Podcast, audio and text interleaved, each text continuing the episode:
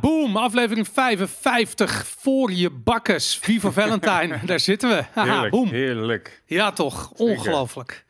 Midden in Clown World word je wakker. Ik heb van de week, ja ik moet ermee beginnen. Ik heb van de week een vurig betoog aangehoord van iemand die, ehm, die wist te vertellen dat ehm, er een experiment is geweest in Zwitserland bij het CERN. Ehm, weet je, dat instituut met die, eh, met die Hydro uh, Collision- Hydro Collider inderdaad. Ja. En die, eh, die zei, daar is iets misgegaan, er is een zwart gat ontstaan. Toen is de aarde daarin opgeslokt, in een andere dimensie terechtgekomen. En tada, Clown World is het resultaat. en ik moet je wel zeggen, in deze tijd waarin onze minister van Financiën, Kaag, niet eens weet wat een aandelenemissie is, is dat misschien wel de meest logische verklaring. Ik moet zeggen, het klinkt het inderdaad het meest sane wat ik eh afgelopen tijd gehoord heb. Maar we, er moet toch een verklaring zijn voor het feit dat minister Kaag, die nota bene minister van Financiën is, niet weet dat als je als bedrijf nieuwe aandelen uitgeeft en dat je die dan koopt, dat je dus niet een groter aandeel in het bedrijf koopt. Nee, je huid, het is gewoon een kapitaalinjectie. En dat gaat ook nog eens een keer rechtstreeks naar de Franse staatskas. En ze heeft geen idee. het is, maar dat, ik bedoel, ik kan me gewoon niet eerder een moment in de geschiedenis eh, herinneren waarin eh, incompetentie zo de boventoon heeft gevoerd in onze Mhm. politiek. Dit is ongekend. Ja, ja ik zat vanmorgen en gisteren nog naar, ehm gaan we het later ook over hebben, naar, naar Davos en andere politieke verslaglegging te kijken. En ik denk echt van, ik word echt, ik word gewoon, ik voel, ik voel hersencellen afsterven als ik daar naar kijk. Gewoon, Ja. Het is echt, Het is ongelooflijk. Maar en het erg is, het zijn die mensen vertegenwoordigen een, een, een, meer, een, een- of een meerderheid in Europa van mensen met wie het intellectueel gezien nog slechter gaat. Ja. Het is echt, het is, het is bittere, bittere armoede. Maar waarom zeg je dat? Omdat, omdat wij ze verkiezen of Ja, toestaan? Of... Ja, maar wij kiezen die mensen. Ik bedoel, Ja. kijk in Amsterdam, de wethouders daar. We hebben daar die eh Shu- Shusha Rijkman, weet ik veel hoe ze heet. Shula. Die, eh, die vorige voorzitter van, eh, van de NPO, die nog had gezegd dat de Kaag-documentaire een, een, een prachtig stukje journalistieke afhankelijkheid was. en ehm, eh, die nu dus wethouder in Amsterdam voor D66 wordt. Ik denk van gewoon, dus de, weet je, als Pieter Omzicht het over corruptie heeft, heb ik zoiets van, dit is het. Het ligt het gewoon voor ons neus, gebeurt het. Ja. In Amsterdam, in de hoofdstad. Ik bedoel, het is een, het is een, het is een clowns. Het is de capital of clown world. Letterlijk. ja. Het is ongelooflijk. Ja, het is, ik, ik probeer, het is vermakelijk, denk ik. Het is triest en Ja. vermakelijk tegelijkertijd eh, dat het allemaal gebeurt. Ik zei het vanochtend tegen jou. Het interesseert me geen fuck. ja. Ik wil gewoon dat het 30 graden wordt buiten. Ja. De rest, fuck it. We maken er een, een podcast over. Maar jeez, er is geen redden meer aan. Inderdaad, dat is het enige. Dat mensen moeten gewoon naar deze podcast kijken. Dat is, dat is je toegang tot clown wordt. En daarna is gewoon klaar. Dan moet je de Ja. zon in. We moeten er gewoon lachen. Ja, het is ook gewoon. Het is als, weet je, als jij naar het circus gaat en dan wordt een show voor je opgevoerd en de clowns doen hun best en dan komt iemand op een olifant of een beer op een fietsje, dan klap je toch ook. Dan ga je toch Ja. niet zeggen, Ja. wat, is het nou voor intellectuele armoede hier Ja, met beer op die fiets? Weet je, nou, je klapt gewoon, want ze doen hun best. Je hebt een tientje betaald of 20 euro tegenwoordig voor het circus. Ja, dan klap je. En deze clowns, die zijn nu een, eh, weet je, Kaag kon nu rondfietsen op een fietsje en die, eh, die vertelt dat ze, eh, weet ik hoeveel honderden miljoenen gaat uitgeven aan de KLM. En ehm, 20, ja. ja, dan gaan we klappen. Goed, het zijn, eh, het zijn rare tijden. Ehm, we hebben onze onderwerp, onderwerpen lukraak op een, in een pdfje geknald. ik heb niet meer gekeken naar de volgorde. Ik denk dat we ook gewoon eh, dwars hier doorheen moeten gaan. Ja. Ik wil eigenlijk eventjes beginnen met ehm, huishoudelijk. Eh, we zijn natuurlijk twee weken geleden begonnen met, met, met premium. Met de, je kunt een Rebel account nemen. Wat is ook weer het verschil tussen Rebel en... Rebel is dat je gewoon eigenwijs, eh, eigenwijs bent. Te eigenwijs om je een bedrag te laten voorschrijven. Dus je kiest zelf gewoon wat je wil betalen. Ah, oké, ja, dat was het, ja. En de, en de premium of de extra heet het nu dus. eh Viva Valentine Extra, dat is, eh, ja, dat is, dat is, daar kan je dus alle extra content van kijken die we maken naast de reguliere uitzending op de donderdagavond. Vet. Ja, nou, geweldig. Dat, eh, dat kan dus nu sinds twee weken. Eh, check het op vivavalentine.com slash join streepje de streepje tribe. Ehm, wat ik even wil zeggen is dat het nu eh, op vele verzoeken ook mogelijk Ja. is om eh, met bitcoin te betalen. Andere cryptocurrencies kan niet toch? Wel? Nee. nee, gewoon bitcoin. Gewoon soort van digitale schaarste kan maar één keer bestaan, jongens. ik, die, die, die, die reacties ook allemaal van mensen die denken van, ja, maar waarom gebruik je niet shitcoin X of shitcoin Y? Please. We hebben al de euro, we hebben het over. Daarom, het Clowns World is al gek genoeg, weet je. Niet dat je, ga je zelf ook nog een keer op een fietsje langskomen met je Ja. shitcoin. Dat alsjeblieft. je kan met bitcoin betalen. Ehm, als je weet hoe je bitcoin moet gebruiken, dan kan je ook je best doen om dat zo anoniem mogelijk eh, in te zetten. Bijvoorbeeld voor een abonnement eh, op een, een, een Rebel abonnement eh, voor Vivo Valentine. Ehm, nou ja, het wijst zichzelf toch? Join the tribe. Ja, precies. Ja, join the tribe. We, hebben, en we hebben nu dus inderdaad een, een jaarabonnement toegevoegd, wat mensen daar inderdaad om vroegen. Dat ze zowel inderdaad via bitcoin willen betalen als niet eh, herhalend. Ja. Eh, dus je kan nu inderdaad gewoon voor één jaar meteen lid worden. En dan kan je heel anoniem stelteam met, met bitcoin betalen. Precies. Nou, tof. Ehm, ook vragen we niet meer al je gegevens. Ehm, dat was gewoon een misverstand. Sorry. Ja. Spijt me. Ja, dat gaan we niet weer we doen. doen. Nee, dat was gewoon echt een misverstand. Ehm, volgens mij staat er nog wel een ding dat je je naam kunt invullen. Maar niet verder vertellen. Het hoeft niet je echte naam te zijn. ja. Je kunt gewoon wat invullen. Het maakt niet uit. Je kunt ook bijvoorbeeld gewoon een e-mailadres aanmaken bij Gmail. En dan zeg je gewoon Pieter Pietersen of zo, weet je, at gmail.com. En dan gebruik je dat voor al je spam en om lid te worden van Vivo, voor Vivo Valentine. Dat kan gewoon. Mag allemaal. Ja, dat is belangrijk. Ja, misschien moeten we een keer een eh, special maken over privacy. Ja. Dat, eh, En Ancilla weer uitnodigen. ja, zeker. Ja, maar ook gewoon praktische toepassing van privacy. Ik denk dat mensen steeds meer beginnen te begrijpen waarom privacy belangrijk is. Mhm. Eh, dat privacy een factor is. Dat het niet een absolute waarheid is. Het is onmogelijk om volledig privé te opereren. Misschien als je, weet ik veel, een iglo bouwt op de Noordpool en gaat daar zitten. Eh, dat kan, Eh, maar dat maakt het leven niet heel leuk. Dus je wil nog steeds interactie hebben met mensen. Nou ja, hoe doe je dat zo privacyvriendelijk mogelijk? Ehm, en daar zijn allerlei ideeën over, dus daar kunnen we best wel een keertje een Ja. special over maken. Mhm. Hey, wat we ook, eh, waar we ook specials over maken, dat zijn eh, onze boekbesprekingen. Hebben we nu twee gedaan. Ehm, ik heb eventjes bij wijze van experiment de vorige, de Bitcoin Standard, eh, die we hebben besproken, die heb ik soort van eigenlijk de, voor de helft of teruggeknipt tot een item van 23 minuten en dat online gezet. Mhm. Eh, gewoon op YouTube, dat kan iedereen kijken. En dan is de extended versie, dat is voor de tribe members, voor de, eh, voor de rebels en voor de bazige bazen, voor de premium leden. Ehm, ik ben heel erg benieuwd wat jullie willen dat we als volgend, volgend boek gaan bespreken. En ik dacht, kijk, je moet je realiseren dat het voor ons wat makkelijker is om boeken te bespreken die we al gelezen hebben. In tegenstelling tot boeken die we nog moeten lezen. Vooral als iedereen nu begint human action te roepen, dan moet je je voorstellen dat wij een maand eh, voorbereiding nodig hebben om dat, eh, eh, om dat te bespreken. Maar makkelijkere eh, ehm, alternatieven zijn bijvoorbeeld, ehm, ik zit nog helemaal in The Price of Tomorrow, die vind ik heel goed. Ehm, ik heb jou gehoord eh, al een aantal keer over dat boek over Think Bigly. Wi- Win Bigley? Win Bigly. Ja, ja Die- Win Bigley. Ja. Die, eh, die zouden we misschien nog kunnen bespreken. Ehm, eh, we zouden eventueel ehm, Economics in One Lesson. Ik weet niet Hm. of je die. ehm, Ja, heb ik voor mij, ik heb mij nooit helemaal uitgelezen. Maar goed, dat is in een dag gedaan. ja, die is in een dag gedaan, absoluut zo snel. De Sovereign Individual is niet in een dag gedaan, Nee. maar is voor mij een soort bijbel. Ik heb dat boek al, al zeker twee keer gelezen, eh, misschien wel tweeënhalf keer gelezen inmiddels. En dat, eh, ja, die, die, die, die kunnen we zo doen bij wijze van spreken. Dat, dat, Ik heb hem wel nog niet, nog niet gelezen. Ik heb hem gekregen van iemand bij de Bitcoin Meetup. eh, Oh ja? Twee keer terug, geloof ik. Ja. Dat is best wel bijzonder, want het boek is heel lang niet meer in printvorm Oh, echt? ge- eh, te krijgen Oh, geweest. Ja, ja. dat is echt moeilijk om te vinden. Dat, ehm, eh, nou goed, laat eventjes in de comment weten welke van die titels jij graag besproken zou willen zien worden. Uh, Ik zag iemand erbij, die kwam met When Money Dies. Heb je die gelezen? ja, zeker heb ik die gelezen. Iemand- Het gaat over Weimar, de Weimarrepubliek. Ja. Ja. Ja, die heb ik ook gelezen. Of iemand mailde geloof ik daarover. eh ik krijg tegenwoordig ook mails nu. en Mensen weten dat een website hebben. En dus ook een mailadres. krijg ik ook allemaal mailtjes met suggesties. En leuke verhalen. Ja. Ja, kunnen ze ook naar. Hadden we nou hello at... Hello at. En die gaat ja. ons allebei, toch? Die, ja, als je inlogt. Ik weet niet of je... Ja, Ja, ja, ik, ik, heb, Ja. ik ben all set nu. Dus dat ja. eh, als, als Google ophoudt om het allemaal naar de spam eh, eh, folder te verplaatsen, dan nee, absoluut. Ja, Day One Money Dies is tof. Ik moet zeggen, dat is wel een, ehm, een bittere of een droge pil is het. Het is een dik werk. Het is een Hmm. verslag van het ministerie van Buitenlandse Zaken, Engelse ministerie van Buitenlandse Zaken, over wat er gebeurt in de aanloop naar de hyperinflatie in Weimar. Hmm. En dat, ja, het is, het, is, heel tof omdat het zo onafhankelijk is, zullen we zeggen. Mhm. Ehm, en wat heel erg tof is, is dat het heel sec allemaal beschreven wordt als een soort dagboek Hm. van, ja, weet je, de, de, ook de polarisatie die optreedt bij hyperinflatie. Iets wat niet heel erg voor de hand ligt, maar wat wel gebeurde daar, die, wat je nu ook ziet.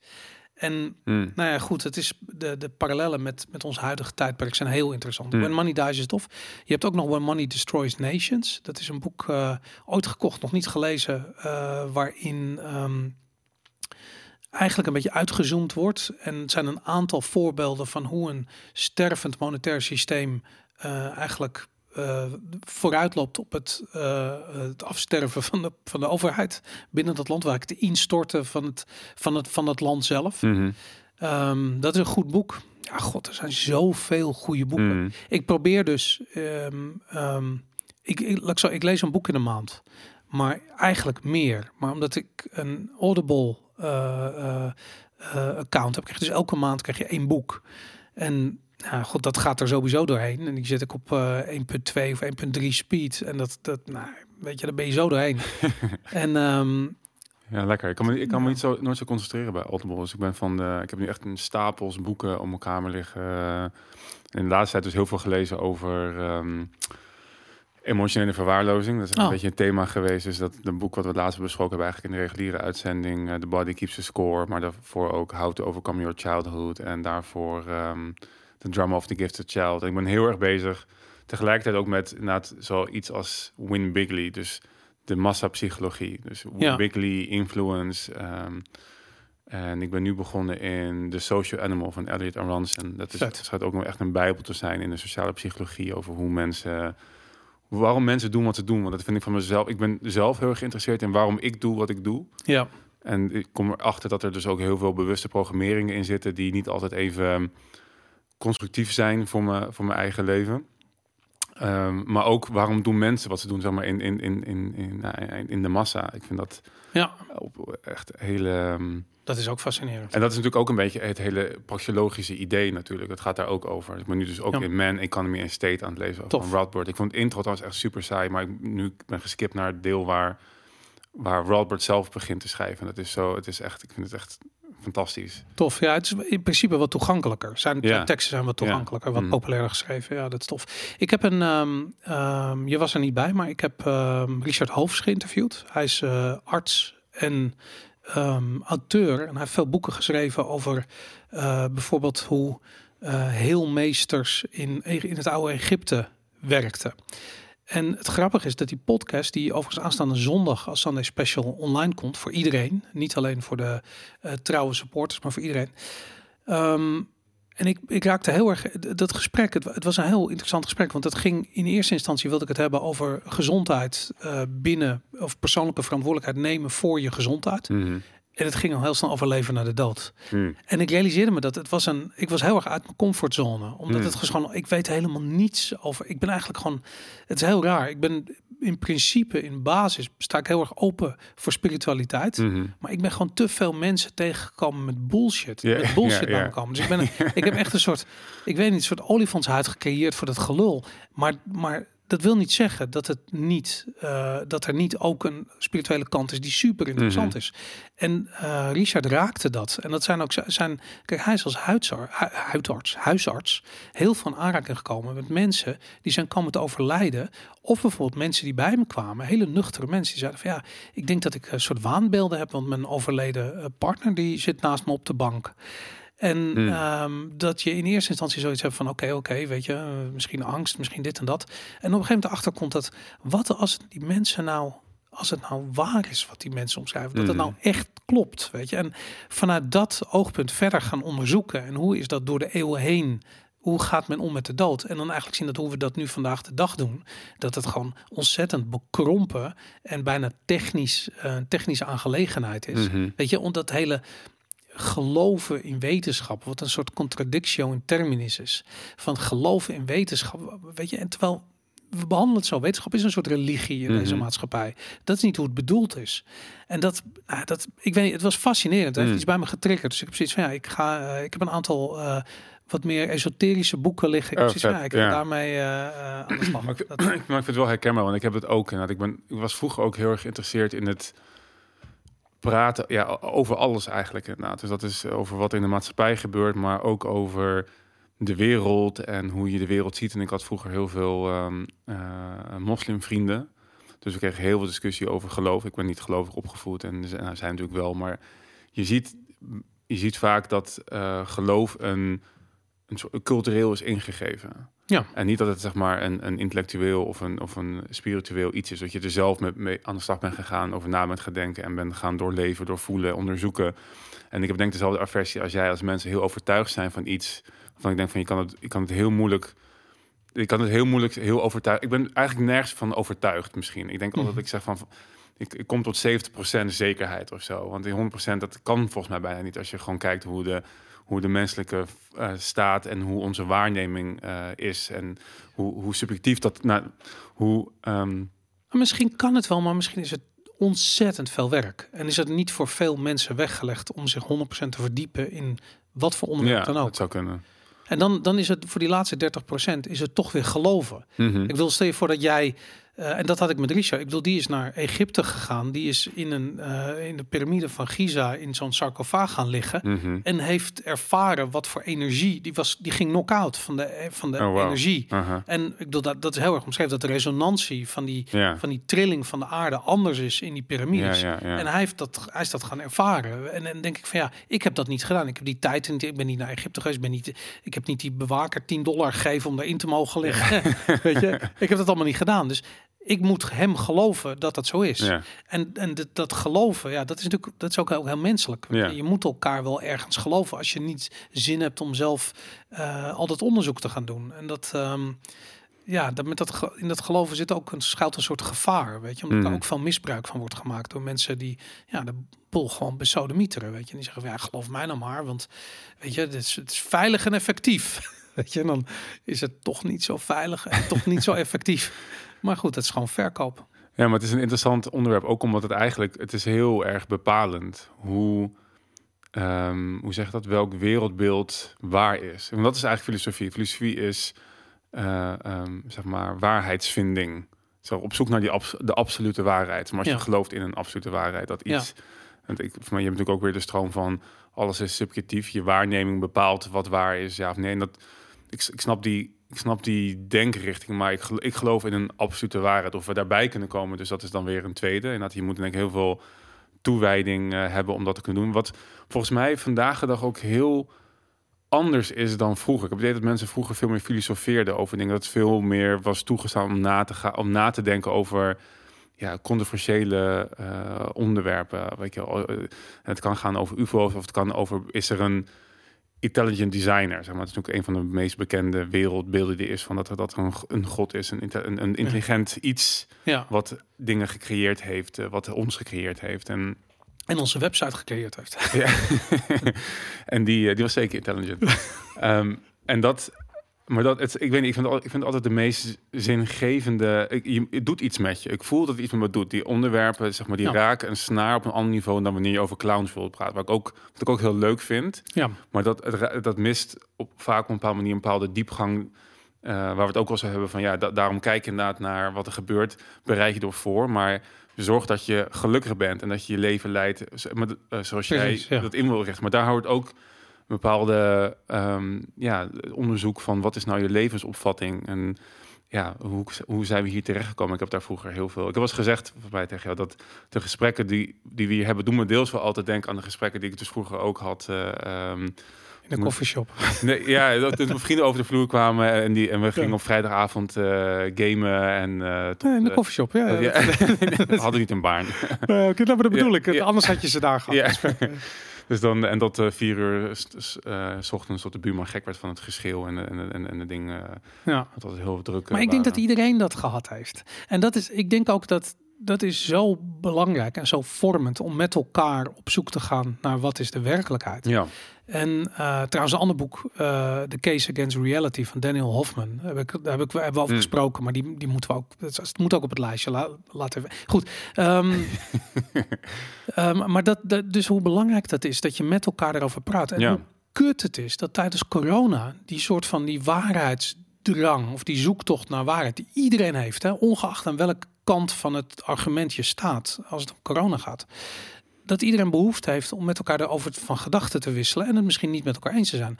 En doordat alles zo, dat eigenlijk het, het, het, het, het ene nar- narratief zo gestigmatiseerd is, Mhm. dat er eigenlijk geen ruimte voor is, dat mensen die daarin zitten, ik ben daar voor goed voorbeeld van, ja, ja denk ik ook, ehm, dat, je, dat je daarin enigszins alleen komt te staan. En dat je je soort van jezelf moet gaan verdedigen. Terwijl wat je wil is gewoon in een veilige omgeving met je vrienden een joint roken. En, en discussiëren over wat, er, wat voor clown world we in zitten. Mhm. Maar dat kan niet meer. Mhm. ik, ik, ik, heb- ik moet je zeggen dat ik, ik zie ook om me heen, denk ik wel, mensen die, die echt heel aangedaan zijn door, eh, door corona. En ik ben zelf heel aangedaan door de dreiging van de overheid. Mhm. En dat ik me realiseer van ja, ehm, je, dat, dat, dat is een vorm van negativiteit die je leven gaat bepalen. Mhm. En ik heb zelf het idee, ik ben mezelf toch een beetje kwijtgeraakt na twee jaar die bullshit. Dat ik zoiets had van ja, maar wat vind ik eigenlijk leuk in het leven, weet je? Niet deze shit, weet je? Neem die fucking prik of neem hem niet, whatever. Het interesseert mij echt geen bal. En dat is het punt waar ik op een gegeven moment gekomen ben. Ik dacht zit dat van, als ik maar niet met die negativiteit in mijn leven moet Mhm. gewoon weggaan. Weet je? Mhm. en, ehm, en, maar ik realiseer me dat zit in mijzelf. Ik moet gewoon weer mijn leven gaan oppakken en Mhm. leven. En ik moet stoppen met boos worden om domme nu.nl clown world bullshit die voorbij komt fietsen Ja. op een fietsje. Want dat, ja, dat is gewoon, dat, dat moet niet meer. Nee, ja, ik denk, ja, voor mij hebben we dat eerder gezegd. En dat is, ik denk dat het een hele bevrijdende g- gedachte is. Want ook wat je zei niet, net iets over, ehm, ehm, die, ja, die dreiging van de overheid. Maar, maar ik denk ook inderdaad dat, ehm, ik merk dat ik mezelf ook censuur opleg. Ja, eh, door zeg maar, de dreiging van het verlies van sociaal contact of iets in die richting. En ik heb nog, ik besef me ook steeds vaker dat ik wel eh, geluk heb als ik kijk hoeveel mensen moeten breken met mensen die zo heel, al heel lang eh, wat voor een soort relatie dan ook hebben. En ja, ik heb om me heen heel veel mensen verzameld afgelopen tien jaar, doordat ik bij de LP zit en ben- in, in die beweging bezig ben, die gewoon heel erg hetzelfde denken. Of in ieder geval openstaan voor andere gedachten. Want dat is iets wat, ehm, wat, wat volgens mij bij, bij ons. Ik weet, niet of ik, ik weet wederom niet of ik het nou in de podcast heb gezegd of een andere keer tegen dat ik kan heel goed omgaan met andere politieke meningen. Want ik weet dat ik ben een uitzondering ja, in wat ik denk. Dus Ja. dat moet je, je kan, ik kan niet zeg maar alleen maar met, met gelijkstand omgaan, want dan kan, moet ik dit binnen blijven zitten. Maar bijvoorbeeld in Amsterdam of heel veel andere plekken, dan is de heersende politieke opvatting zo fijne grote bubbel dat anderen zeg maar dat dat dat, dat kunnen ze gewoon niet meer omgaan. Dat merk Ja. ik heel sterk. eh. en dat en dat maakte dat je inderdaad, eh, ik, ik heb het om, om mijn werk eh, meegemaakt, waar ik nu over volgende week ga stoppen. Dat, ik heb het ook gezegd, Eindelijk. eindelijk, ja. En, en ik had gisteren een exit gesprek. En ik, eh, hoe is dat? Doei! ja, het was heel, was heel, het heel koud en afstandelijk. En, Oh ja? en dat, ja, ik vond het ook. Maar dat, is- dat is ook een beetje de. ehm, Je moest je tattoo weghalen ook, toch? ja. nee, maar dat, dat, dat was ook een beetje de, de zeg maar, de, de, ehm, eh, de wereld van de overheid. Het is gewoon, als je praat over gebrek aan zingeving en leven, dan is dat gewoon binnen de overheid Ja. heel erg aanwezig. Je bent heel Ja. erg met procedures en beleid en regels bezig. En je bent bezig zo goed mogelijk beleid met elkaar af te stemmen. Ik was dan zo, zo bezig, ook nog bezig proberen om beleid zoveel mogelijk weg te halen. Maar het is vechten tegen de bierkaai. En ik merk dat collega's die de, anders denken, maar wel.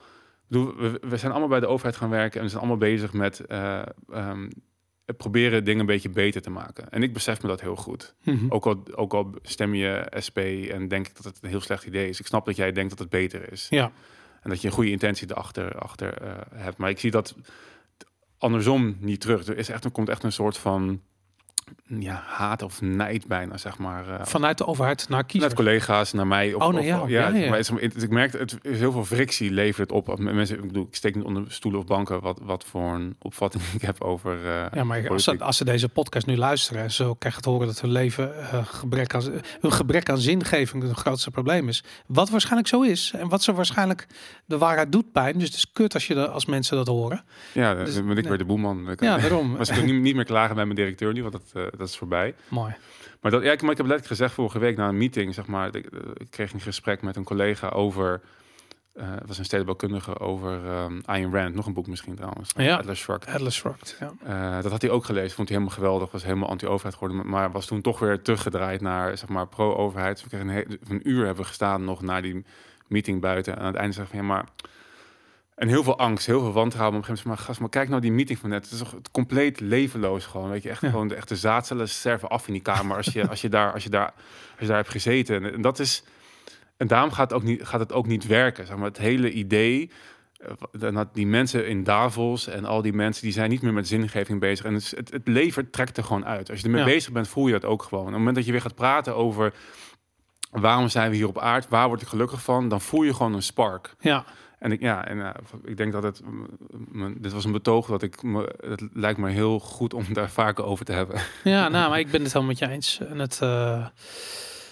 ja, het, zijn, het, het, het is een treurigheid. Maar aan de andere kant, kijk, zingeving is voor heel veel mensen moeilijk. Eh, dus je kunt het niet, het zit niet per se alleen mensen die voor de overheid werken. Ehm, ik, ik denk eigenlijk dat heel veel. Ik, ik heb ergens het idee dat bijna alle problemen door de overheid gecreëerd worden, eh in, direct of indirect. Ehm, als je dat je realiseert dat je dus niet de wereld beter aan het maken bent, maar dat je hem slechter, eh, slechter aan het maken bent, dan ehm, ja, en, en je hebt al problemen met zingeving, dan word je Mhm. natuurlijk echt ontzettend depressief van. Dus dat is ontzettend confronterend. Ik snap dat wel. Ja. Ja, ja en dan, ehm, dan ga je boze mail sturen. ja. Want het is allemaal Robert's schuld. Goed, stuur ze naar hello at Ja. in het vervolg. Want eh, daar kun je ons nog bereiken. Waar zullen we mee beginnen? Zullen we beginnen met de, met de schietpartij in Amerika? Ja. Ik vind hem namelijk eh, heel actueel, want het is gisteren gebeurd. Eh, we nemen dit op woensdag op, daarom, eh, ehm, daarom is het gisteren. Ehm, een 18-jarig oude gunman. Ik weet niet of het een gunman is. Dat zegt iets over zijn gender, maar ik heb begrepen dat er issues waren over die gender. Oh, dat heb ik niet meegekregen. Zelf was eh, de gunman niet overtuigd van het feit dat hij een was hij. Een man was. Ja, dat, dat- daar speelt een enige. Daar begon de verwarring al. Daar be- beginnen de psychologische problemen al. Ehm, in ieder geval is hij naar eh, de middelbare school of de lagere school gaan, Ja. waar hij zelf ook eh, op zat. Daar heeft hij tenminste 19 kinderen en twee volwassenen neergeknald. Inmiddels zijn er al 20 kinderen overleden, dus het, het is opgelopen. Dit is een CNN-artikeltje. Ik zal het even openen, kun je meekijken. Inmiddels zijn het er, eh, zijn het er al meer. Oh, cookies. Ja, het is natuurlijk echt mega. Ja, het is altijd mega heftig. En daar kreeg ik, kreeg een vraag eh, via een kanaal tot mij van ja, kun je nog een keer hebben over jullie opvatting over wapenbezit? Als je dit nu weer voorbij ziet komen, dat is natuurlijk ook elke discussie die je krijgt als een, eh, een schietpartij is, is terecht ook, want dat je moet overal vragen over kunnen stellen. En Ik denk overigens dat de schutter een van de twee adults is die neergeknald is. Eh, Ah, ja. Want hij is zelf door de politie doodgeschoten. ja. Maar goed, oké, sorry. Ehm, ja, en dat, en dat, ik dacht, dat is een aanleiding, of iemand gebruikt dit als aanleiding om over gun control te hebben. Ik dacht, nou, misschien is het goed om daar nog even over te hebben, wat, hoe we daarover denken. Want eerder over gehad en volgens mij, en ik ben voor het, eh, ehm, voor ehm, vrij wapenbezit. Ja, ik moet zeggen, ik vind het in Nederland, zeg maar, voor, voor de dagelijkse praktijk iets anders dan in Amerika. In Amerika heb je, is een heel groot land waarbij de politie gewoon op sommige plekken echt, doet uren voordat ze ergens kunnen komen. ja, Eh, dus het, eh, het, volgens mij hebben we trouwens in Nederland hier ook, want ik woon natuurlijk in de Randstad, dus ik denk een beetje aan de dichtheid die ik hier ken, maar als je naar het platteland gaat, dan heeft voor mij iedereen ook gewoon een, een wapen, omdat het daar dat zie je veel. Ja. omdat het daar wat gewoonlijker is om gewoon voor jezelf, jezelf te beschermen. De- het grappige is, dit, dit is waarom we de sovereign individual moeten bespreken. Want daarin wordt ook gezegd dat er een ehm, bepaalde kost zit aan het handhaven van een geweldsmonopolie.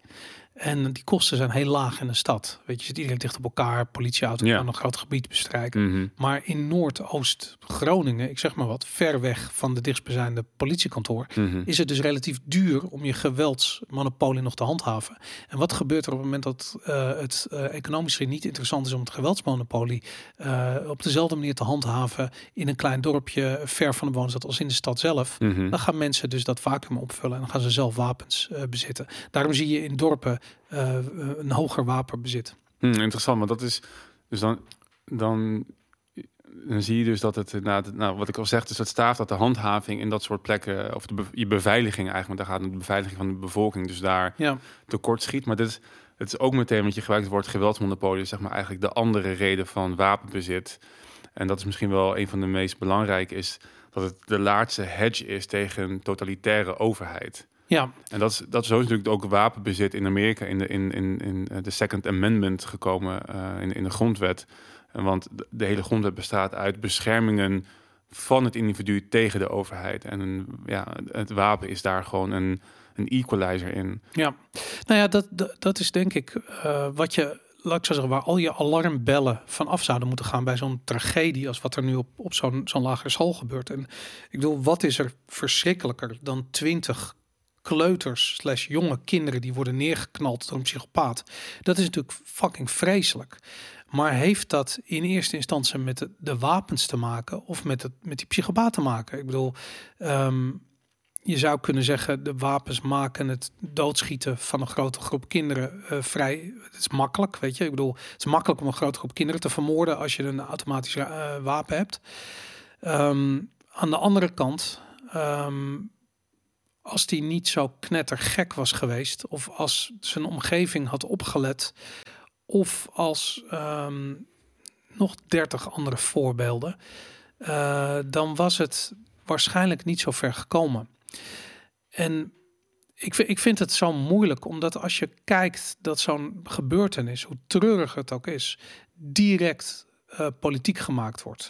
Weet je, aan de ene kant ook misschien ook een beetje door het feit dat wij het nu bespreken. We hebben een antipolitieke podcast, maar in die zin is antipolitiek ook politiek als reactie erop. Het feit dat Biden met een soort krokodillentranen aan het huilen is en zegt we moeten nu toch eindelijk optreden tegen de wapenlobby.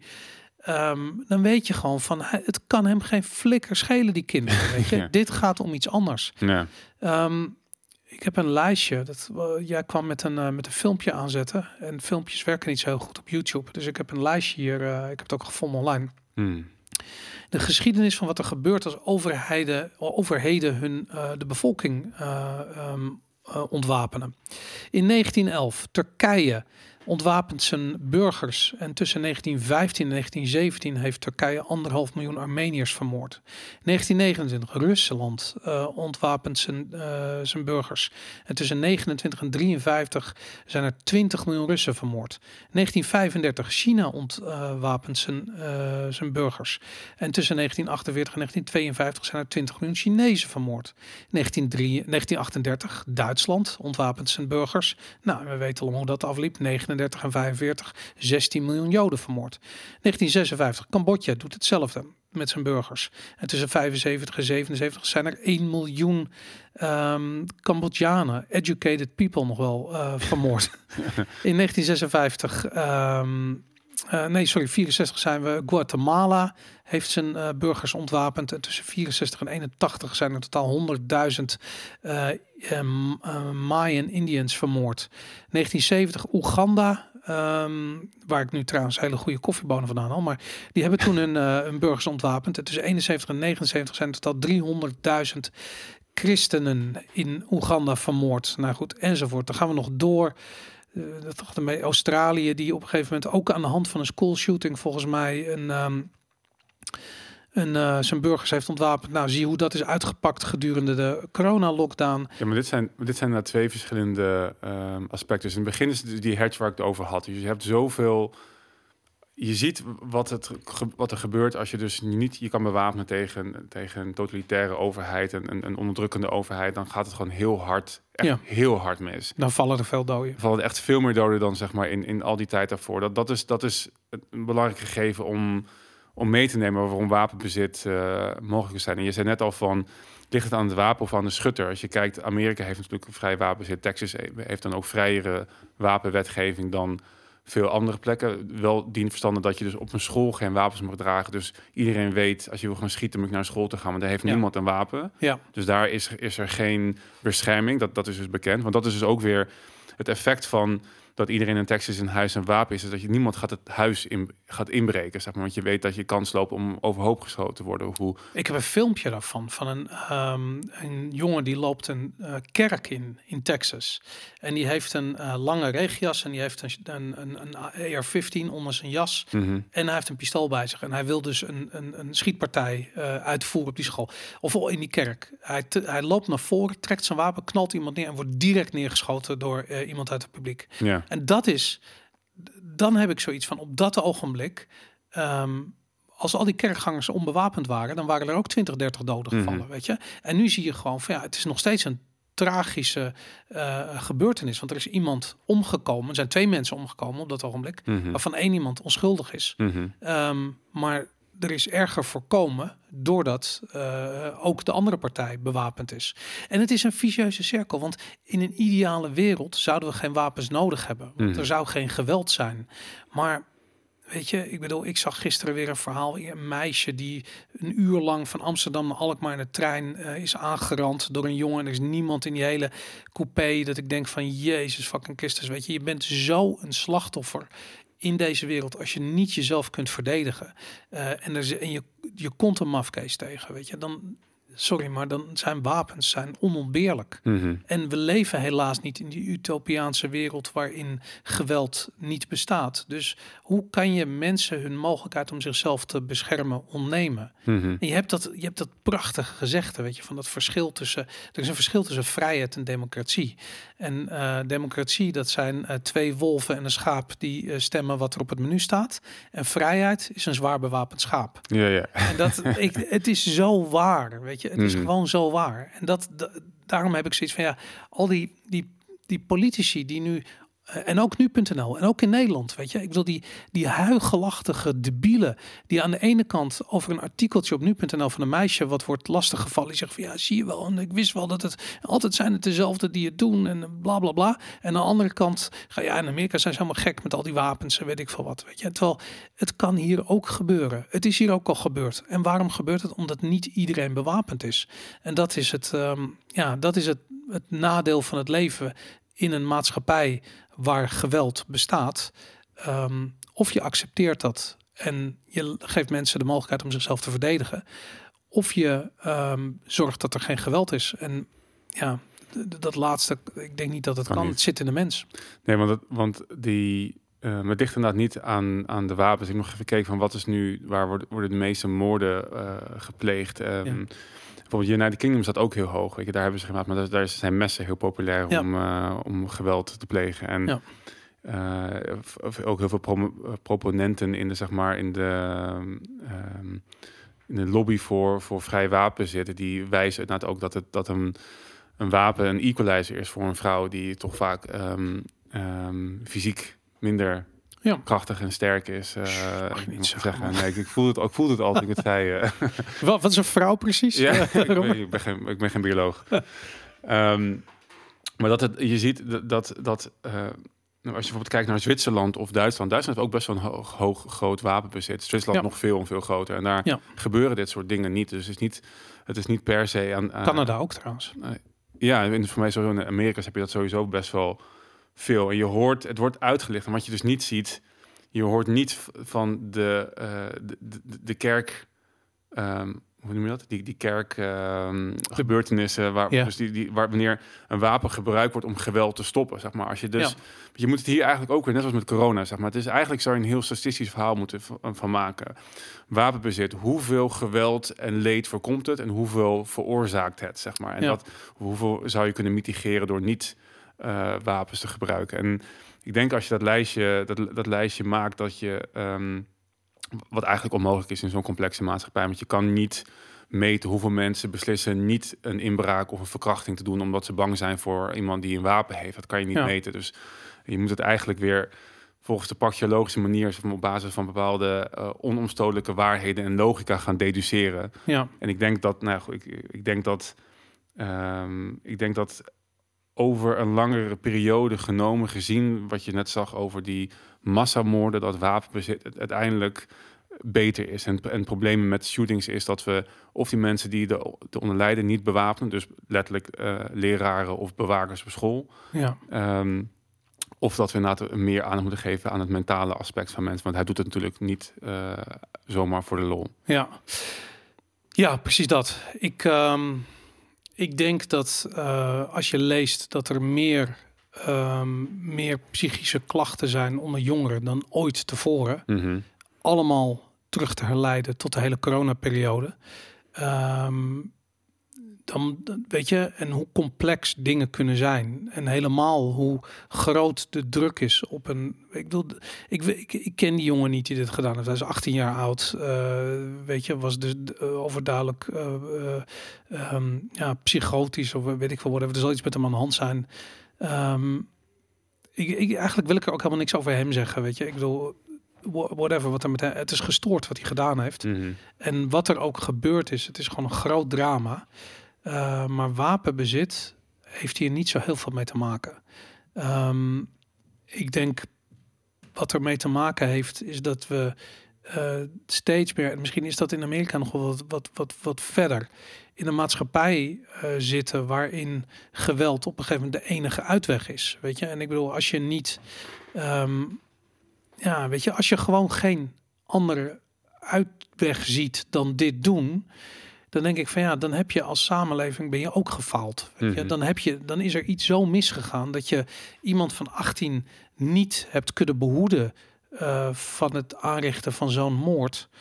Um, ja, dan ben je ook als maatschappij gefaald. En dat, uh, ik denk dat dat, uh, en dat is iets wat Biden zich met name mag aantrekken. Mm -hmm. Aangezien hij eindverantwoordelijk is voor hoe die maatschappij eruit ziet. Dus dat, um, ja, ik weet het niet. Het is een groot drama in ieder geval. Ja, zeker. En weer, uh, hoe noem je het, kolen op het vuur van de anti-wapen lobby. Laten we heel eventjes naar um, Christine Lagarde gaan. Dit was al uh, eigenlijk iets wat vorige week langskwam. Zij was de gast bij uh, College Tour, een of ander Nederlands tv-programma.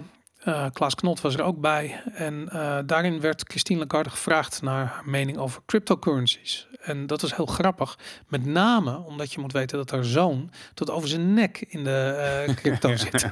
Waarschijnlijk in de shitcoins, net als zijn moeder. Maar ja. dat, um, dat zo, zo diep ging het programma helaas niet. Maar zij zei, um, ze gelooft niet in cryptocurrencies. zij zei... Dat ze gebaseerd zijn op niets. En haar quote was: um, My very humble assessment is that it is worth nothing, it is based on nothing, and there's no underlying asset to act as an anchor of safety. En um, ja, zij kan het natuurlijk weten. Zij kan het weten, toch? Zij weet een scam als ze er een ja, ziet. Zij, natuurlijk. Expert op dit gebied. Ze is veroordeeld ervoor zelfs. Dus dat, uh, nee, absoluut. Um, wat ik interessant vind, is dat zij zegt dat er geen onderliggende waarde is.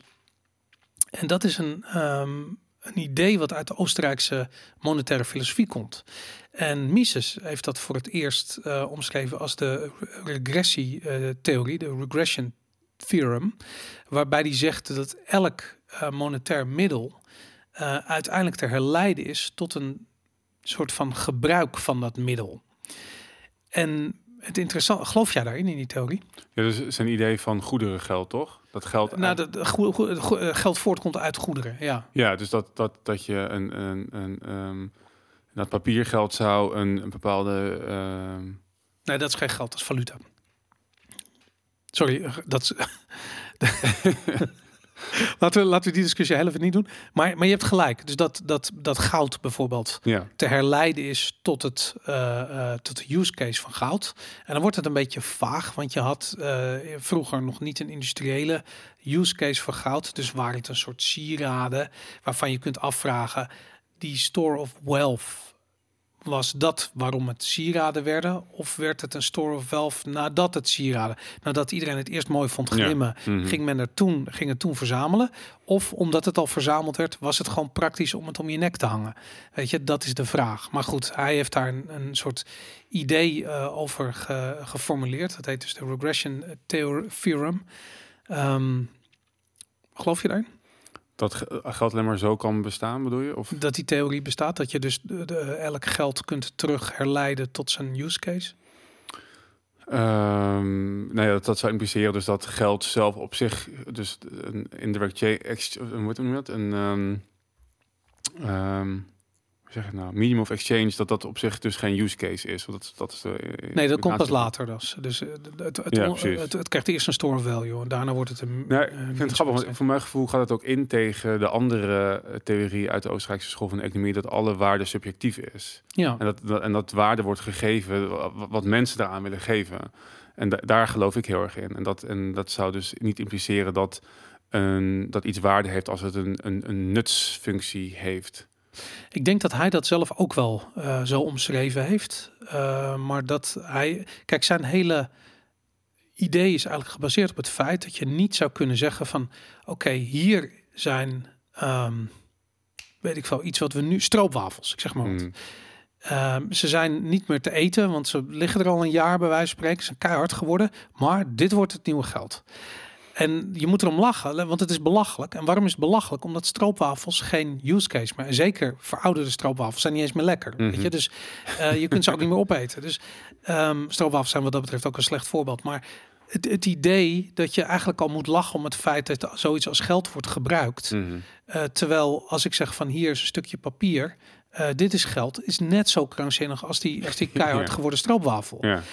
Ehm, alleen hij zegt van ja, dat geld valt helemaal te herleiden tot het, de use case van goud, van heel vroeger als het ware.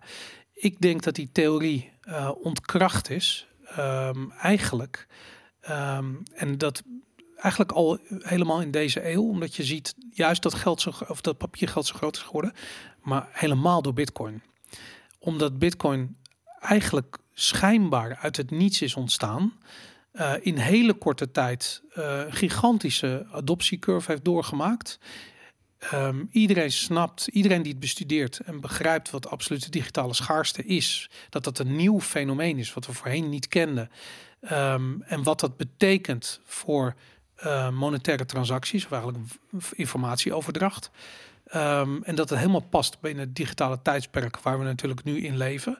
En dat ja, Mises leeft in een ander tijdsperk waarin je dat niet op die manier had. En je dus ook niet in een, in een periode van 10, 12 jaar een, een soort van nieuw monetair goed eh, zou kunnen zien ontstaan. Maar moet het digitaal zijn? Want zou, je zou ook. Want in principe, ehm, het geld dat we nu hebben, is, is ook, heeft ook niet die functie. Want het is ook niet te herleiden tot goud en tot een bepaalde use case. Het is gewoon schuld op schuld. Indirect wel. De euro bedoel je. Ja, Eigenlijk wordt er nog steeds gezegd dat er voor eh, ja, het- ja, dat er goud in de kluis ligt. Ja, het is natuurlijk, het is niet iedereen weet dat het bullshit is. Ja. Maar het wordt nog steeds als eigenlijk als onderbouwing. Dat is wat Christine Lagarde ook doet. Die zegt van ja, dit, dit heeft geen onderliggende waarde. Wat zijn in godsnaam de onderliggende waarde van de euro? Ja. Weet je, die, die paar goudstaven die ze nog ergens hebben liggen. Weet je, ik bedoel, nee, dat is het niet.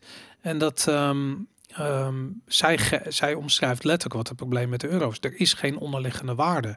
Dus kunnen ze het oneindig door eh, eh, printen. Mhm. Net zolang tot de hele economie kapot is. En dat, zijn ze, dat gaan ze ook doen ook. En dat zijn ze al aan het doen. Mhm. En dat is juist wat, daar, omdat, omdat ze dat aan het doen zijn. En je daarmee iedereen ziet hoe belachelijk de situatie is die gecreëerd wordt. En de sociale effecten die daarvan uitgaan. Ehm, en je hebt daar tegenover iets, zo, in, ab- iets wat absoluut schaars is. Dan zie je opeens hoe waardevol absolute schaarste is. Op het moment dat die eigenschap weg is uit ons geld. Dan heeft iedereen zoiets van ja, maar dan wordt het waardeloos. Klopt. Dus hebben we weer een andere store of value nodig. Gaan we daar naar op zoek? En hey, we hebben een digitale store of value gevonden. We hebben de absolute digitale schaarste ontdekt. En dat leidt weer tot een nieuwe monetaire standaard. Waardoor Christine Lagarde's feestje gewoon ophoudt. Ik vind het grappig, want zij dus eerst zit ehm, ehm, crypto ehm na te bashen over, je heeft geen onderliggende waarde. En vervolgens zegt ze dus ook, dus twee, eh, één ding wat op twee manieren interessant is, is dat ze zegt dat, ze beginnen ook over de digitale euro. Ja, En ze zegt van, eh, er komt een digitale euro, eh, hopelijk binnen nu en vier jaar. vier jaar ook. ja. Ik wil die shit is nu al kansloos. En Ja. over vier jaar. Dat, ik wil over ik- vier jaar is Bitcoin een miljoen waard. Weet je, ik bedoel dat dat dan heeft iedereen is elkaar in satoshis aan het betalen. Maar ik vind het wel grappig, omdat het, het is dus... We hebben het hier vaak over gehad. Hebben Ja. hier volgens mij... Ik weet niet of het de eerste keer was met... eh, ik weet niet, heel lang geleden. eh, dat we het over hadden. En dat, dat we hadden het over de, de, de central bank digital currency. En nu, is, het, is, het was eerst een soort van conspiracy. En zij zegt nu, het duurt vier jaar. Dus er wordt ook een timeframe aan, aan vastgeplakt. En ik ben heel benieuwd hoe ze dat dan vergelijkt met andere crypto's. Want ik denk niet dat daar dan wel een uh, waarde aan ten grondslag zou liggen. Nou. Ja, die 5% goud weer. Nou, maar dat is waarom ze een Europees leger willen hebben. En dat is wat de Amerikanen ook doen. Weet Mhm. je, de Amerikanen, de, de onderliggende, ehm, laat ik zeggen, de onderliggende kracht achter de dollar is gewoon US Army. De US Marines. En ja. dat, dat heeft Gaddafi ondervonden, dat heeft Saddam Hussein ondervonden, eh, dat heeft zelfs Poetin op een bepaalde manier ondervonden, al heeft hij het gewonnen. Ehm, maar goed, dat zie je gewoon keer op keer dat dat wordt ingezet. Weet je, op het moment dat een land besluit om niet meer zijn, zijn eh, grondstoffen in dollars eh, eh, te laten afrekenen, Mhm. nou, dan krijg je de US Army op bezoek. Weet je, die komen gewoon eventjes eh kijken zo van, het is een leuk land wat je hebt. Zou toch zonde zijn als er wat mee zou gebeuren? Ja.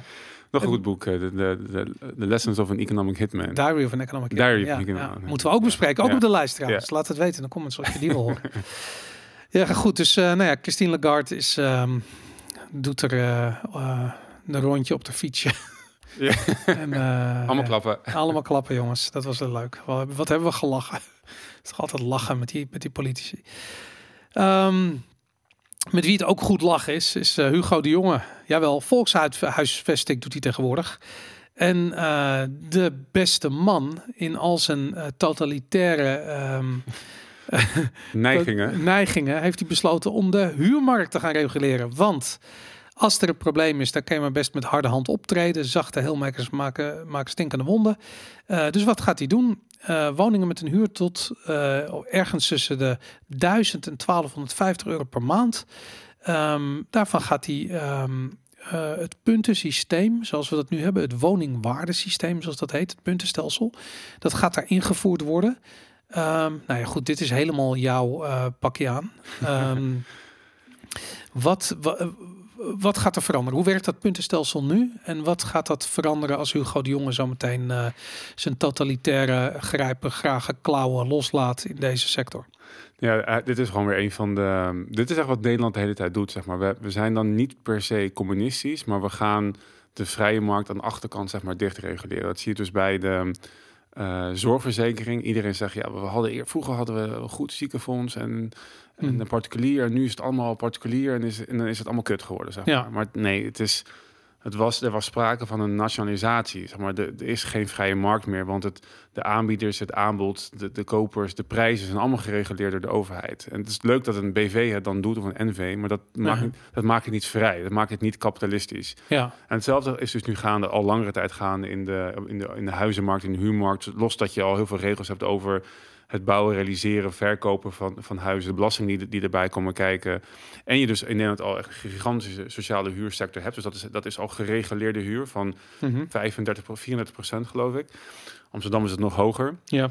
En Amsterdam kent het concept van middeldure, middeldure huur al veel langer. Daar heb- hebben ze nu de regel 40, 40, 20. Dus alles wat gemaakt wordt in Amsterdam moet 40% sociaal zijn, 40% middeldure huur en 20% vrije sector oké. huur of kopen. Dus er is gewoon 80% gereguleerde markt in, in woningen in Amsterdam. En Amsterdam is voor mij een van de plekken met de meest belabberde eh eh, Het is onmogelijk om een, je wo- moet woningen te krijgen. 20 jaar op een wachtlijst staan om een huisje van 15 vierkante meter in. Bos Lommer te krijgen. Ja, Ja, en dat- vreselijk. En dat, nou, maar, maar dat komt dus omdat er zo overgereguleerd is. En dat was dus al in Amsterdam al langer, langere tijd gaan. En Hugo de Jonge dacht van, nou, dat ziet er mooi uit daar. Dat ga ik gewoon heel eh, Nederland uitrollen. Ja, Waardoor dus niet alleen de huurprijzen of de woningen met een huurprijs onder 800 euro, maar ook tot geloof 1250 euro nu onder de regels van Hugo de Jonge komt te vallen. En dat betekent dat je niet mag bepalen hoeveel geld je vraagt eh, eh, voor je woning en hoeveel je de huur omhoog gooit eh, als je zelf tegen inflatie wil indekken. Dat wordt allemaal nu door hem bepaald. maar ik heb,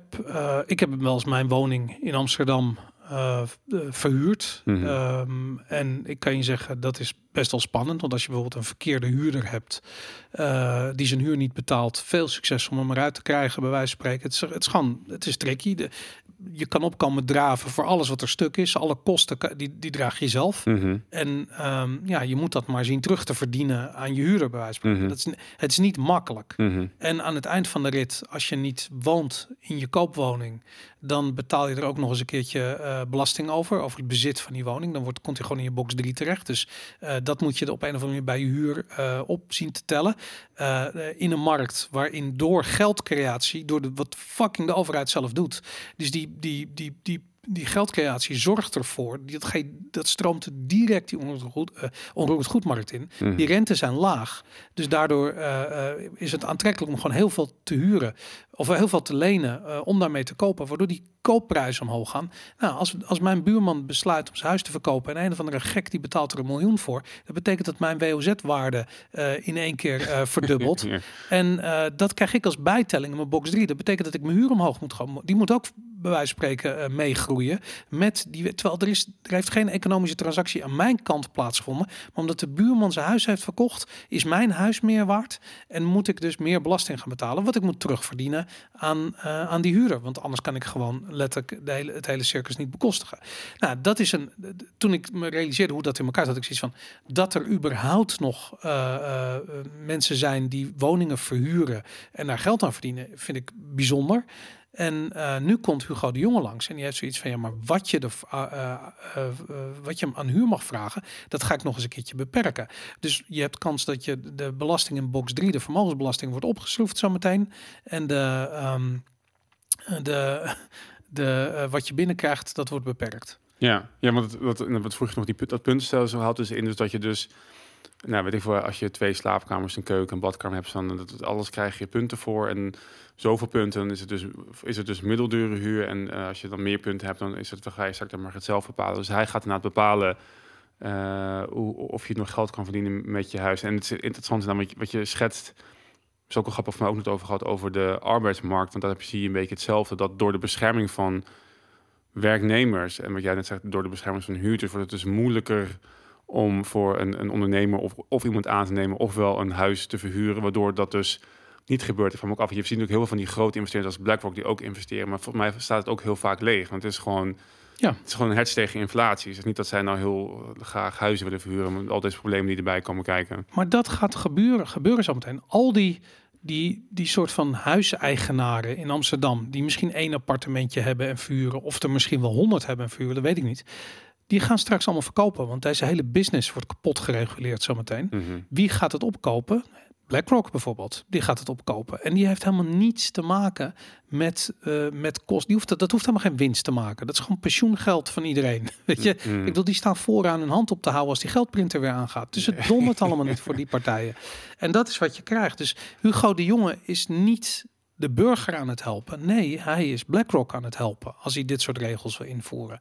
Ehm, als hij daadwerkelijk de burger zou willen helpen, dan zou hij gewoon zorgen dat er meer woningen gebouwd worden. En dan zou hij zijn handen ervan aftrekken en Mhm. zeggen van dit is eh, aan de markt zelf. Als de rente omhoog gaat, dan gaat de huizenprijs naar beneden. En dan gaan eh, eh, aannemers zelf wel uitzoeken hoe de kosten, baten zich verhouden bij het bouwen van een nieuw huis. In plaats van dat Hugo de Jonge er met zijn fikken tussen gaat zitten en eigenlijk de hele boel verstiert en er niks meer gebouwd wordt. Ja. ja, ik snap sowieso dat idee niet van de moet dat, er gewoon niet meer gebouwd wordt op plekken waar dat mogelijk is. En net ook weer tegenstrijdig beleid. Dus in de stad heb je heel veel van die bereikbaarheidsinitiatieven. Want de stad is minder bereikbaar, want iedereen gaat naar de stad toe en er zijn te weinig woningen. Dus we moeten bereikbaarder maken, meer wegen, meer dingen, meer weet ik veel wat. En dan volgens zie je de, zie je de provincie leegtrekken en dan gaan ze daar weer de geld tegenaan gooien om de provincie niet leeg te laten trekken. Ja, dat is, Ja. je, kan niet, je kan niet allebei hebben. Je kan niet en een, een, een volle randstad die bereikbaar is en een volle provincie hebben. Eh, je moet ergens ja, niet kiezen, het gewoon vrij laten. En ik denk Ja. dat dat, eh, nou, hij, ehm, hij verstoort inderdaad het, de, de, de, het, hele eh, vrijwillige, ehm, ehm, het vrijwillige eh, onderling eh, verbanden aangaan, relatie aangaan en, en, en gewoon makkelijk een huis kunnen, kunnen kopen. Laat mensen gewoon bouwen, dan eh, is het probleem opgelost en stop met deze ongein. Absoluut. Goed, we kunnen nog heel lang doorgaan over die, eh over die Te huizenmarkt, veel denk ik. ongein. Het Ja. is echt te veel ongaan inderdaad.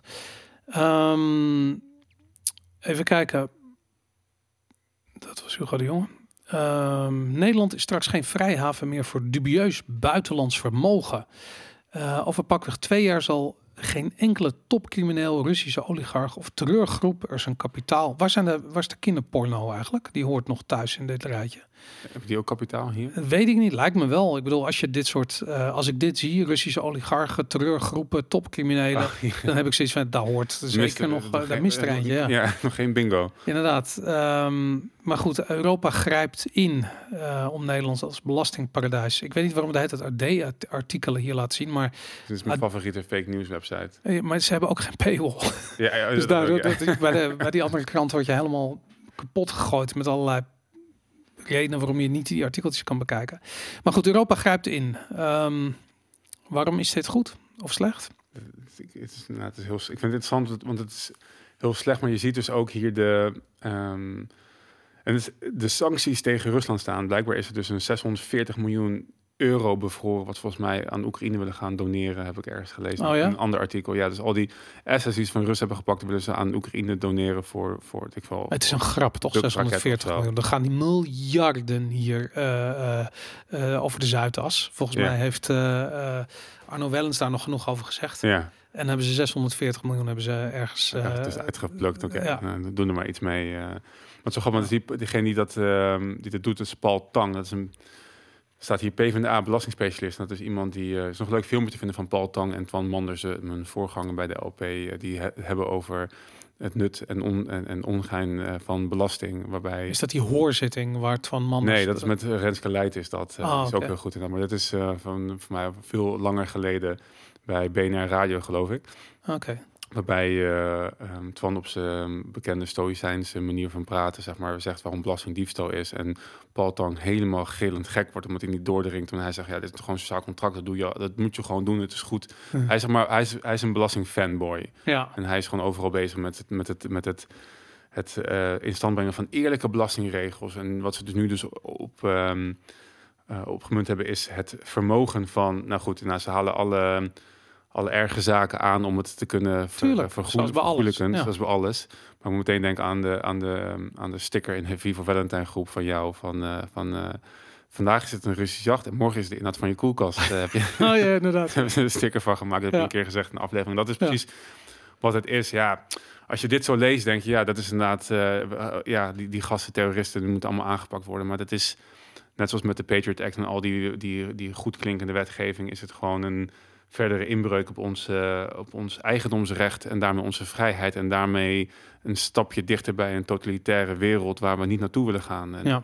en het, wordt, ja, het wordt allemaal mooi. Um, zoals in Star Wars wordt gezegd van uh, this, this is how democracy dies with an, with a thunderous applause. Zeg ja, ja, die, um, ja. Die, die, chick op een gegeven moment. Nou, dat, dat, is, dat is hier. Mensen die, die, die zijn voor, het, uh, voor maatregelen tegen witwassen en dat, dat moet... En, en tegen terrorismefinanciering. Dus die gaan hier, uh, die, die vragen hier gewoon om. Ja, nou, het is bizar. Wist je dat witwassen pas sinds de jaren tachtig, geloof ik, een misdaad is? Nee. Daarvoor, of een misdrijf is. Daarvoor was het, dat bestond helemaal niet. Dat, dat, dat, dat is helemaal niet zo oud. Het was gewoon normaal. Of, was, uh... nee, maar, nee, maar er was, geen, er was geen wetgeving voor.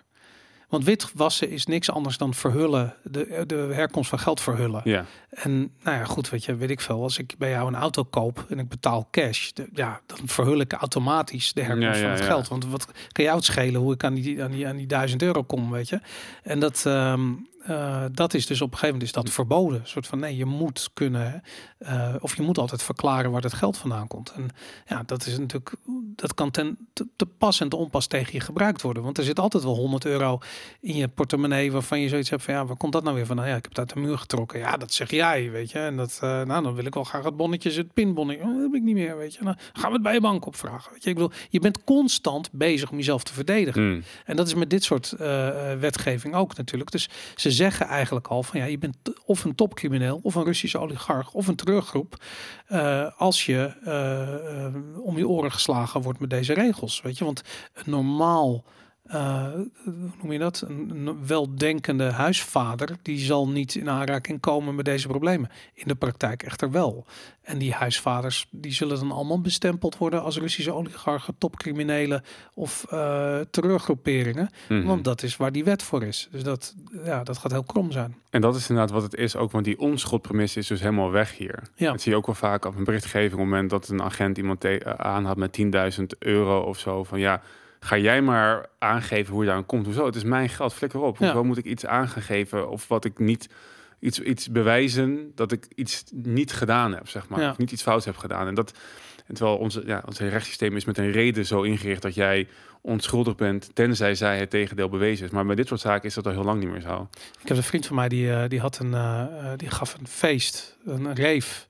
En dat was niet helemaal, eh, had heel, niet, niet een vergunning van de, van de gemeente. Dus dat was gewoon allemaal van, oké, je betaalt gewoon een tientje bij de deur en dan ga je naar binnen. Mhm. Dus die ging aan het eind van de dag ging die met, een, met een hele grote dikke sporttas, of het eind van de avond met een dikke sporttas vol met briefjes van tien, ging die eh, ehm, eh, achter in zijn auto, reed die weg. En eh, die vloog uit de bocht. en die auto die, eh, die knalt de vangrail in en die kofferbak vliegt open. En, en de grote wolk ging uit die tientjes dus de snelweg over. Politie erbij, alles. En dat was zo'n geval wat in de, hoe heet het, in de krant terecht kwam. Als van ja, er werd iemand aangehouden en die had een, wat weet ik veel, het was echt een paar ton. Wat hij aan geld achter in zijn auto had. En dan denk je, het eerste wat je denkt is een topcrimineel, Russische oligarch terugroep.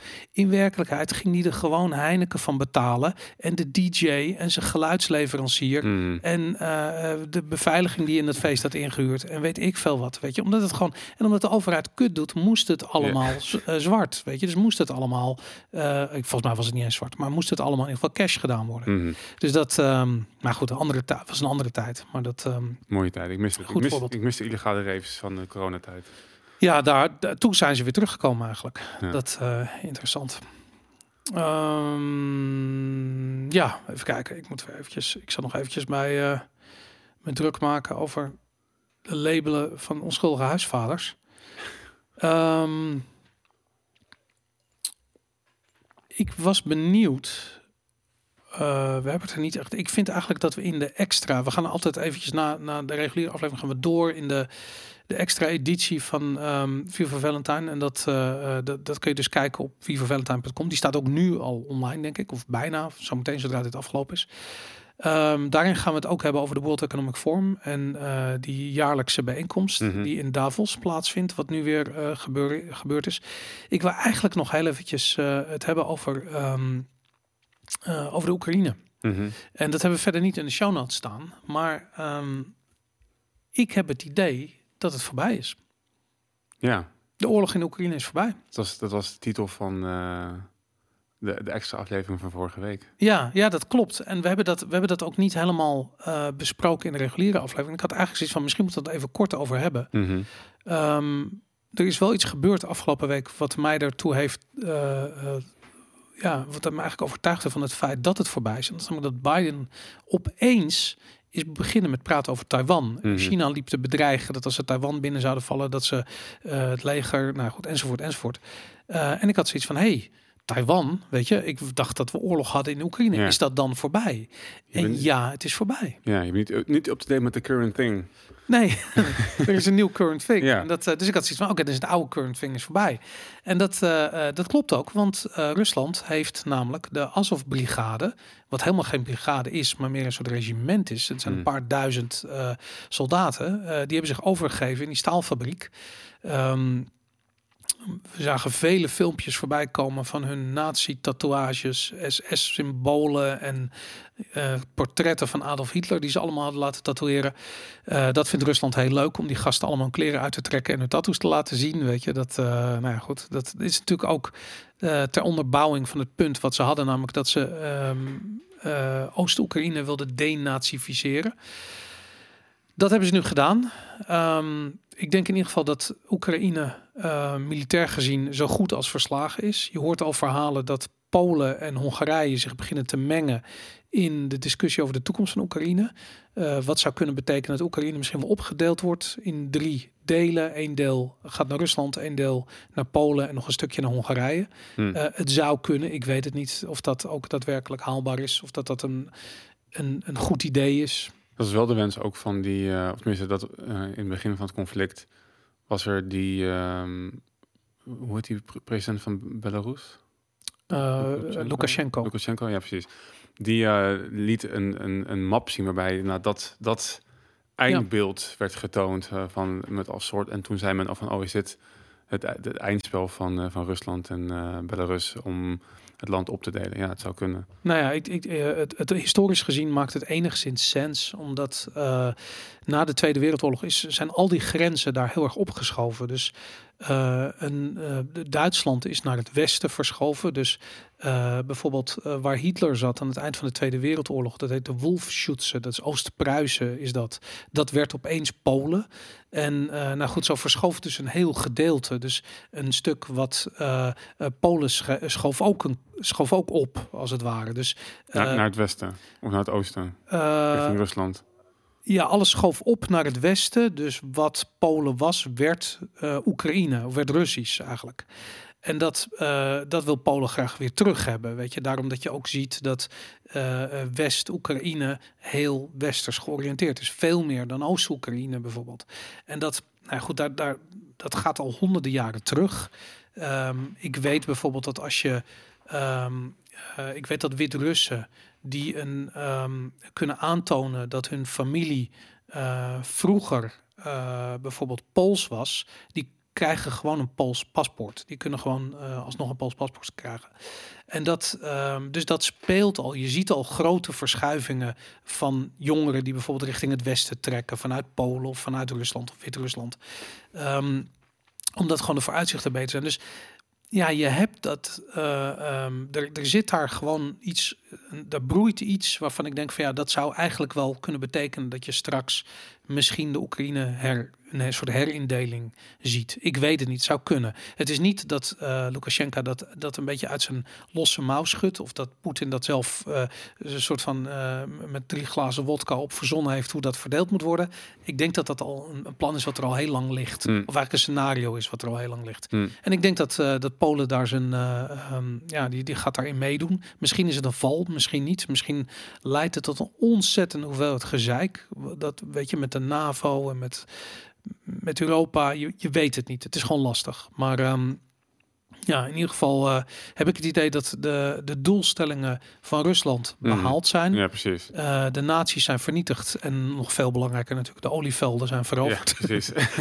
um, dus dat, uh, en wat denk ik een andere doelstelling is van Poetin, en ik weet niet of hij dat zo bedoeld heeft, maar hij heeft de dollar uh, getorpedeerd. Weet je, op het moment dat de Russische tegoeden bevroren werden, uh, de dollar tegoeden, de staatsobligaties hebben, toen dat bevroren werd, daarmee heeft uh, het Westen zijn eigen monetair systeem te graven gedragen.